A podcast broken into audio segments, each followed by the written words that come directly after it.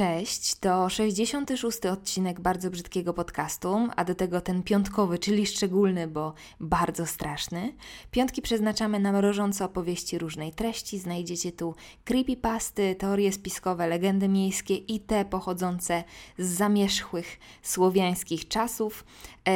Jednak takim rdzeniem naszych piątkowych spotkań są Wasze bardzo straszne historie, które sączy Wam do ucha już od już od ponad roku. Nie będę przedłużać, tradycyjnie uprzedzam jednostki wrażliwe, że będziemy dzisiaj kręcić się dookoła tematu śmierci i zjawisk nadprzyrodzonych, więc słuchacie go na własną odpowiedzialność. No dobrze, rozsiądźcie się wygodnie, chwyćcie w garść kubek gorącej herbaty i zaczynamy. Pierwszego maila nadesłała Weronika. Dochodzi druga w nocy. Kot szarżuje po mieszkaniu, a ja, słuchając Twojego podcastu, piszę do Ciebie. Kota nabyłam dopiero niedawno i tłumaczę nim wszystko, co dzieje się w domu. Mieszkam w bloku. Stosunkowo nowym, ale ściany są na tyle cienkie, że słychać kroki sąsiadów na górze, rozmowy tych po bokach i szumu w rurach. Od zawsze czułam, że z moim mieszkaniem jest coś nie tak. Moja nora, czyli mój pokój, położony jest najdalej od reszty pomieszczeń. Za malucha starałam się spędzać tam jak najmniej czasu. Wychodząc ze swojego pokoju, gasiłam światło i biegłam ile sił w nogach do salonu, a sypiałam razem z rodzicami. Mama wspominała, że kiedy byłam niemowlakiem, nie wychodziłam z salonu, nawet jak mama szła do kuchni. Nadal tylko tam czuję się spokojnie. Nie ma konkretnych sytuacji. Czasem coś spadło w pokoju, w którym nikogo nie było. Często również zostawiałam rzeczy w konkretnym miejscu i kiedy wracałam do pokoju, już ich nie było. Znajdowały się dopiero, gdy prosiłam, by mi odpuścili i oddali dany przedmiot. Wtedy zazwyczaj znajdował się w tym miejscu, w którym go zostawiłam. Nie wiem, czemu mówiłam o nich w liczbie mnogiej. Coś mi podpowiadało, że taka forma jest odpowiednia. Czasem słyszę kroki, lecz nie wiem, czy to mój sąsiad, czy to znowu nieproszeni współlokatorzy. By nie zwariować, wolę myśleć, że to sąsiedzi. Moja najbliższa przyjaciółka zawsze z przymrużeniem oka brała mój niepokój związany z energią w mieszkaniu.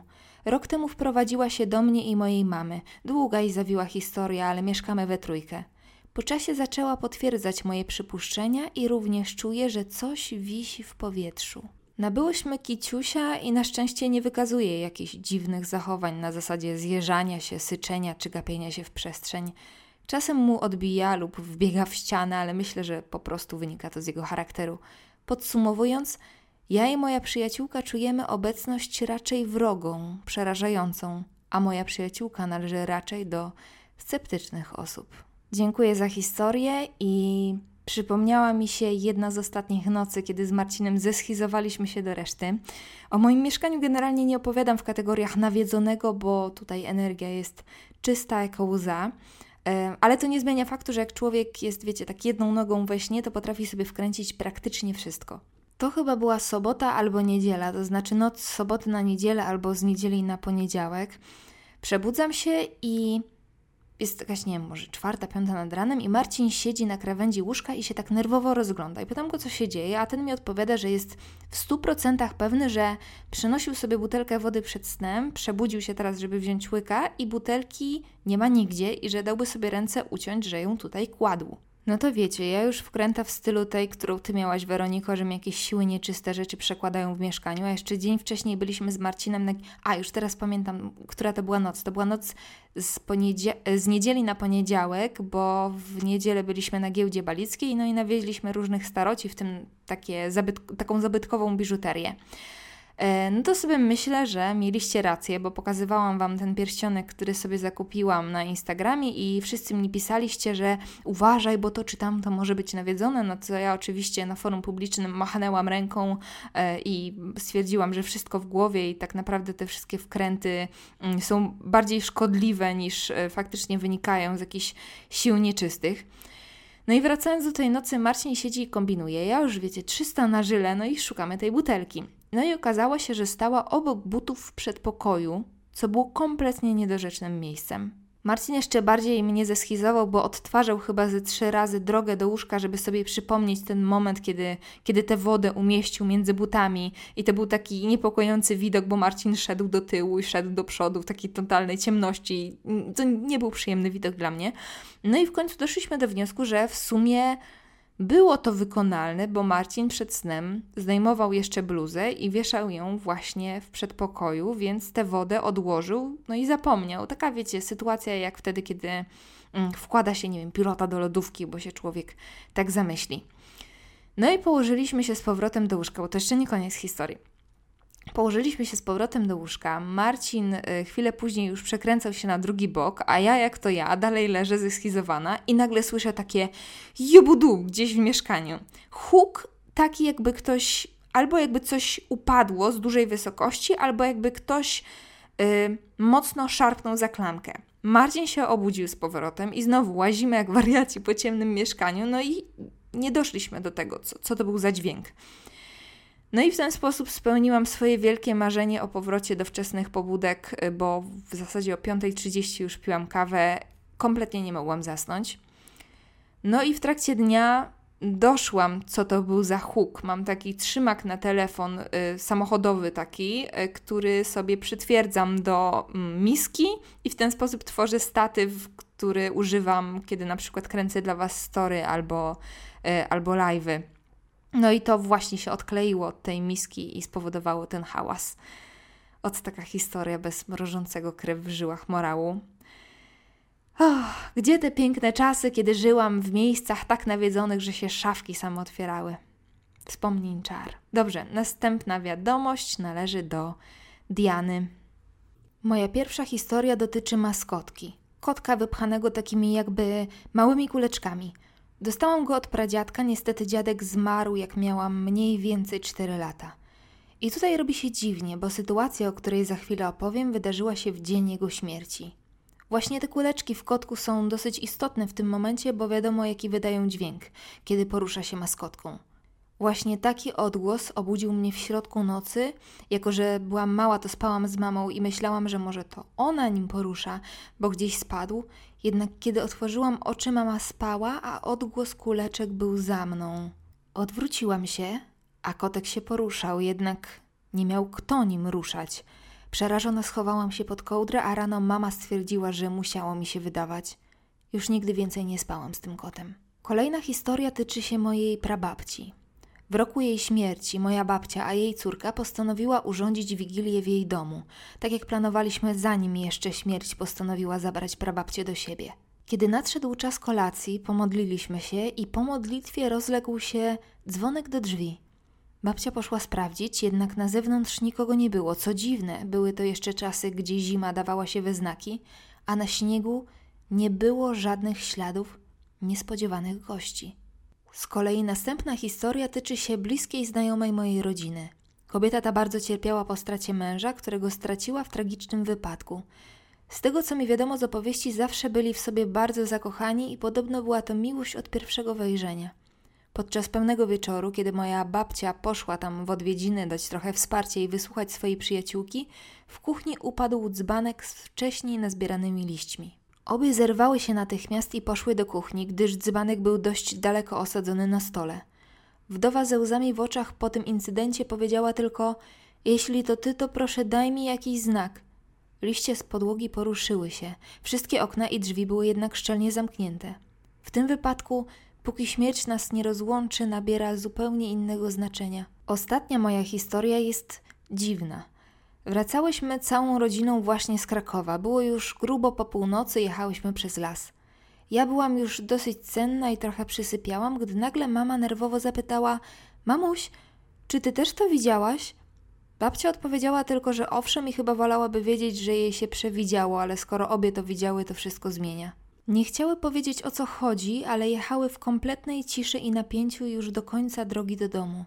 Następnego dnia podsłuchałam, jak mówią do sąsiadki o tym, co widziały. Jadąc przez las, zauważyły kobietę, a obok niej głowę nabitą na jakiś pal wbity w ziemię. O kurza dupa! Ostatnia historia jak z horroru, naprawdę. Dzięki Ci za ten pokaźny zestaw opowiastek. Bardzo to intrygujące. W ogóle zawsze mnie intrygowało, tak z punktu widzenia sceptyka, który jednak balansuje gdzieś na granicy wiary i niewiary, to zjawisko znaków, które otrzymujemy od zmarłych zaraz po śmierci. Oczywiście Oczywiście próbuję sobie to jakoś tłumaczyć logicznie tym, że podświadomie po prostu na taki znak czekamy z tęsknoty i jesteśmy bardziej wyczuleni na wszystkie dźwięki i inne symbole, albo po prostu zwykłe rzeczy, które wówczas jako symbol odczytujemy. Po prostu, po prostu jesteśmy bardziej czujni, tak?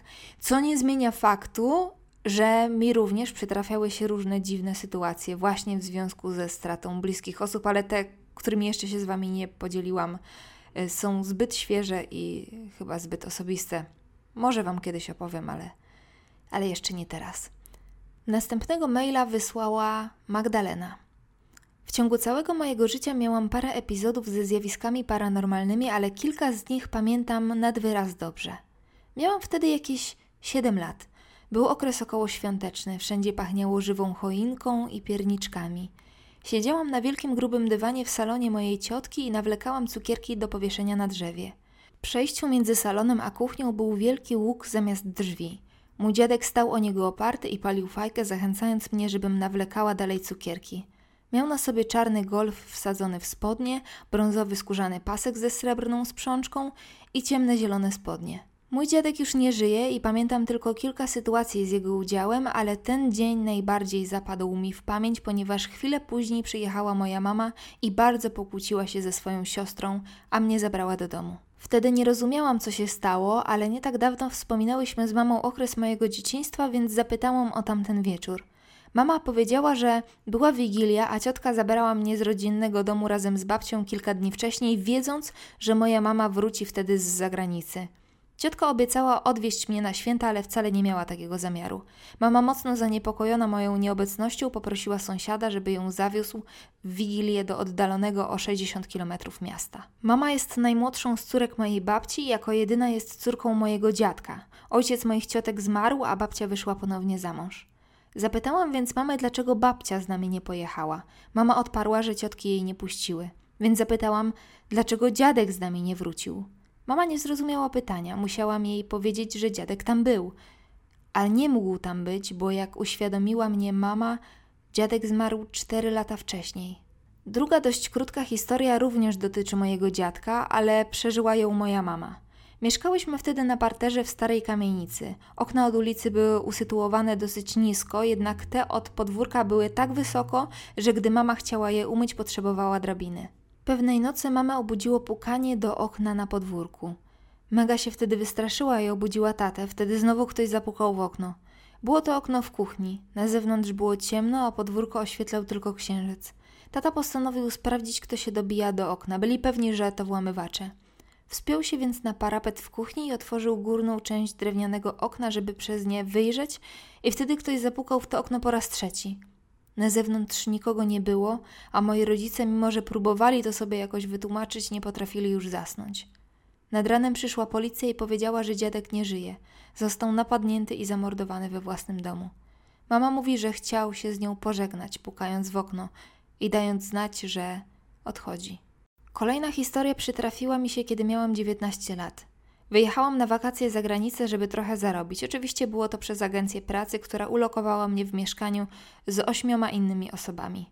Mieszkanie to było usytuowane w dwupiętrowym budynku i na każdym piętrze znajdowały się dwa takie apartamenty. Byłam wtedy młoda i wcale mi te warunki nie przeszkadzały. Po krótkim okresie w tej miejscowości poznałam tubylca i bardzo się zaprzyjaźniliśmy. Chodziliśmy razem na imprezki, zakupy czy spacery, ale do sedna. Pewnego wieczoru wszyscy moi współlokatorzy postanowili wyjść do pobliskiego pubu. Pamiętam, że miałam wielką ochotę im towarzyszyć. Weszłam do pokoju i zaczęłam się szykować na to wyjście, jednak po chwili ochota jakoś dziwnie odeszła, a ja powiedziałam, że jednak się położę wcześniej. Wszyscy byli zdziwieni, ale w końcu poszli beze mnie, a ja faktycznie położyłam się i usnęłam. Obudziłam się w środku nocy, bo ktoś głośno otworzył drzwi do naszego pokoju. Usłyszałam kroki w kierunku łóżka koleżanki i to, że na nim usiadła. Chciałam się obrócić i zapytać, jak było, ale nie mogłam. Byłam jak sparaliżowana, słyszałam, jak ktoś chodzi po mieszkaniu i czułam zimny powiew na karku, jakby ktoś oddychał tuż obok. Chciałam się ruszyć lub krzyczeć, lecz bez rezultatu. Łzy ciekły po policzkach, a oczy miałam zawieszone na ręce, na której był zegarek. Leżałam tak godzinę, dwie lub trzy, a gdy w końcu mogłam się ruszyć, w mieszkaniu nadal nikogo nie było. Takie sytuacje miały miejsce jeszcze kilka razy. Znalazłam w internecie informację, że to paraliż senny i tylko moja wyobraźnia tak szaleje, jednakże wcale mnie to nie uspokajało, a ja obiecałam sobie, że nikomu o tym nie powiem. Pewnego dnia umówiłam się z wcześniej wspomnianym tubylcem i zaprosiłam go do nas na obiad, żeby spróbował polskiej kuchni. O umówionej godzinie wyszłam przed budynek, żeby go wpuścić do środka. Zapaliliśmy jeszcze po papierosie przed wejściem, ale widziałam, że mój towarzysz jest zdenerwowany. Pomyślałam wtedy, że stresuje się, bo idzie w środowisko, którego nie zna i że jest to normalna reakcja. Chłopak poprosił mnie, żebym szła przodem, a on trzymał się jakieś dwa metry ode mnie. Czułam się trochę poirytowana, więc powiedziałam, że jak nie chce, to nie musi ze mną iść, ale on kazał mi iść dalej. Weszliśmy do mieszkania na drugim piętrze, a on po chwili namysłu powiedział, że chce na mnie poczekać w pokoju. Pomyślałam sobie, okej, okay, niech czeka, jeśli się stresuje, może mu to pomoże. Poszłam do kuchni, żeby odgrzać i nałożyć obiad oraz zrobić coś do picia. Wróciłam po niego po jakimś kwadransie, a on miał już całkiem dobry humor. Zjedliśmy i wyszliśmy zapalić. Wtedy on powiedział, że chce mnie z kimś poznać i że to jest ważne. Zgodziłam się bez wahania, choć pewna część mnie chciała zostać w mieszkaniu. Jak się okazało, zabrał mnie do swojej siostry Margaret. Chłopak powiedział jej chyba wcześniej o co chodzi, bo bardzo ucieszyła się na mój widok. Powiedziała, że nauczy mnie blokować moją aurę i że to już mi się więcej nie przytrafi. Pomyślałam, że to jakaś wariatka i byłam zła, że mnie tam zabrał. Chłopak złapał mnie za rękę i powiedział: Zaufaj mi, on już więcej do ciebie nie przyjdzie. Poprosiłem go, żeby odszedł, a moja siostra nauczy cię, jak się przed nim bronić, gdyby wrócił. Szczęka opadła mi do butów. Nie wiedziałam, co to wszystko znaczy, bałam się ich i nie wiedziałam, o czym mówią. Chłopak powiedział mi, że gdy zeszłam po niego na dół, nie byłam sama. Chodził za mną jakiś mężczyzna i że przez niego źle spałam i budziłam się w nocy. Że nie był to paraliż senny, tylko jeden z byłych mieszkańców tego domu. Powiedział też, że nie jestem jedyną osobą, która źle sypia i że za jednym z chłopaków zamieszkujących pokój obok chodzi kobieta. Margaret pokazała mi, jak blokować swoją aurę przed snem i spędziliśmy długie godziny na rozmowach o naszych przeżyciach. Nigdy bym w to wszystko nie uwierzyła, gdyby nie fakt, że nikomu nie wspominałam o tych paraliżach oraz to, że od tego wieczoru spało mi się tam dobrze. I za dnia również czułam się lepiej. Kiedyś korzystając z okazji zapytałam współlokatora o tę kobietę. Był zdziwiony, ale powiedział, że to prawda i że przychodząc w nocy kładła się na nim, a on nie mógł oddychać. Do dzisiaj mam ciarki wspominając tamte wydarzenie i nadal w miejscach, w których czuję niepokój, blokuję aurę przed snem i palę szałwie. Blokowanie aury polega na skrzyżowaniu rąk na piersi, tak żeby lewa pięść była przy prawym ramieniu, a prawa przy lewym, oraz na skrzyżowaniu nóg, z tym, że prawa musi być na górze. Nie wiem, czy to naprawdę działa, ale mi pomogło. No, no, no. Po pierwsze powiem Ci, że historia jest wybitna, idealna, szyta na miarę tego podcastu, cudo, cudo, cudo. A po drugie z tym krzyżowaniem rąk i nóg, to Ci bardziej wciągnięci w moje piątkowe odcinki pamiętają słuchowisko o słowiańskich demonach i tam również krzyżując kończyny odganiało się te demony, które przychodziły właśnie do ludzi w nocy, siadały na nich, dusiły, wysysały krew i one również były łączone z paraliżami sennymi, więc zastanawiam się, czy jest jakieś nie wiem, naukowe wyjaśnienie tego układu rąk i nóg, które faktycznie wpływa na zmniejszenie częstotliwości tego problemu. ciekawe. Niemniej w ogóle ten motyw y, z Twoimi niewidzialnymi towarzyszami witającymi kolegę w drzwiach, motyw rodzeństwa, które pomaga w problemach na, natury paranormalnej, no zobaczycie, kiedyś nagram horror w oparciu o te Wasze historie. Gęsia skórka 2.0. No super, super. Dobrze, lecimy dalej. Teraz Kinga. Może zacznę od tego, że od dziecka miałam uczucie, że bardzo często coś mnie w nocy obserwuje.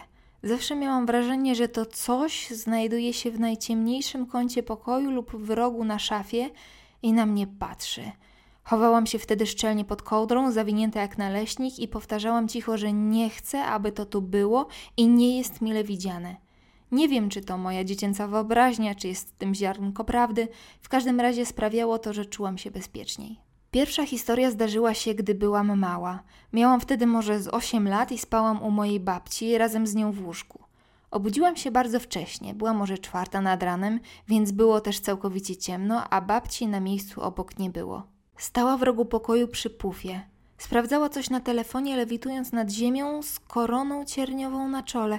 Uniosła wzrok i spojrzała na mnie. Miała całe czarne źrenice. Zaczęłam ją pytać: Babciu, co się stało? I wtedy w przedpokoju zapaliło się światło. Usłyszałam głos babci z łazienki: Kinia, obudziłaś się? Już idę, jestem w łazience. Wcześniejsza, obecna w pokoju postać rozpłynęła się i dopiero wtedy zaczęłam czuć strach. Byłam wtedy bardzo zaspana i teraz myślę, że może to był jakiś majak senny, ale z drugiej strony trwało to bardzo długo i kilkukrotnie przecierałam oczy. Następne sytuacje są już z czasów liceum. Miałam wtedy dosyć dobry moment w życiu. Moje życie towarzyskie w końcu zaczęło istnieć, szło mi dobrze w szkole i z rodzicami miałam całkiem klawy kontakt. Generalnie chill, ale zaczęłam czuć się źle. Z dnia na dzień w mojej głowie uroiły się jakieś paranoje. Miałam wrażenie, że coś za mną chodzi, widziałam kątem oka niepokojące cienie. Bałam się sama zostać w jakimś miejscu, bo wtedy czułam to coraz bliżej, przy sobie, dramat. Niepokoiło mnie to do tego stopnia, że moja przyjaciółka zauważyła, że coś jest nie tak z moim zachowaniem. Powiedziałam jej prawdę, ale czułam się przy tym głupio, jak jakaś paranoiczka. Wszystko skończyło się pewnej nocy, gdy chcąc nie chcąc zostałam sama w domu. Moja mama była na urodzinach cioci, które się przedłużyły, a tata w pracy. Zapaliłam światło w pokoju, w którym siedziałam i w pokoju obok telewizor, aby nie słyszeć całkowitej ciszy. Siedziałam zaniepokojona i próbowałam zająć myśli jakimiś bzdetami z internetu, gdy nagle światło i telewizor zgasły. Wszystko mnie totalnie przytłoczyło. W domu panowała ciemność i nic nie działało. W panice, rycząc dosłownie, zadzwoniłam do mamy i nieźle ją wtedy przeraziłam moim nieskładnym bełkotem. Ciocia, u której była, mieszkała blisko, więc kilka minut później mama przyszła do domu i wszystko zaczęło działać. Opowiedziałam jej o moich lękach z ostatnich tygodni, o tych wszystkich cieniach, że czuję jak coś za mną chodzi i o tym, co się stało. Okazało się, że telewizor się wyłączył, bo za długo nikt nic z nim nie robił, a korki chyba po prostu wywaliło. W każdym razie po tym wieczorze minęło. Rano się obudziłam i czułam się naprawdę sama, a wszystkie myśli zniknęły. Ot tak, po prostu. Kolejną historię znam z opowieści mojej mamy. Powiedziała mi o tym po kilku latach, bo gdy to się zdarzyło, byłam małą dziewczynką, która boi się sama spać i widzi w kątach pokoju dziwne postaci. A mianowicie było święto zmarłych. 1 listopada i pierwszy rok po śmierci mojej prababci, babci mojej mamy, która z nami mieszkała i pomagała mamie w pilnowaniu mnie i moich dwóch sióstr. Wieczór spędzaliśmy u moich dziadków, którzy mieszkają bardzo blisko. Wystarczy przejść przez ulicę. Mieliśmy wtedy piec, do którego trzeba było co chwila podkładać drewna i węgla, żeby nie zgasł. Mama wyszła na 10 minut, aby to zrobić. Nie zapaliła światła, bo piec był przy samym wejściu. Pochyliła się w małym wąskim pomieszczeniu i usłyszała z głębi mieszkania warczenie naszego psa, a potem trzy stąpnięcia i zgrzyt sprężyn. Ważne w tym jest to, że babcia miała swoje ulubione miejsce u nas w mieszkaniu. Było tak przez nią wychodzone, że trzy deski przed kanapą skrzypiały, a sprężyna była na wykończeniu. Mama usłyszała, jak babcia idzie i siada na swoim ulubionym, ukochanym miejscu, gdzie była zawsze, gdy z nami mieszkała. Mama zamknęła oczy i powiedziała: Babciu, bardzo za tobą tęsknię, kocham cię, ale wiesz, że boję się duchów. Dziękuję za odwiedziny, będę o tobie pamiętać zawsze, ale nie przychodź już. Po tych słowach nastąpił zgrzyt sprężyn, zwiastujący, że ktoś wstał i ponowne trzy stąpnięcia na deski. Pies przestał warczeć. Cisza. Bardzo dziwne i niepokojące historie. I znów zastanawiam się, czy to duch prababci, czy po prostu takie, wiecie, fantomowe dźwięki, które nasz mózg, w tym wypadku mózg Twojej mamy, rejestrował przez długie lata i odtwarzał pomimo braku źródła tych dźwięków. Jejku, jak bardzo chciałabym wiedzieć cokolwiek. Może kiedyś się dowiemy, może wcale, może, może tylko odrobinkę. Tego nie wiem, ale wiem na pewno, że czas nam się kończy. Wciąż zachęcam do podsyłania Waszych bardzo strasznych historii na adres bardzo brzydki podcast małpa.gmail.com. Słyszymy się już w najbliższy wtorek, a ja uciekam. Do usłyszenia, całujemy, cześć.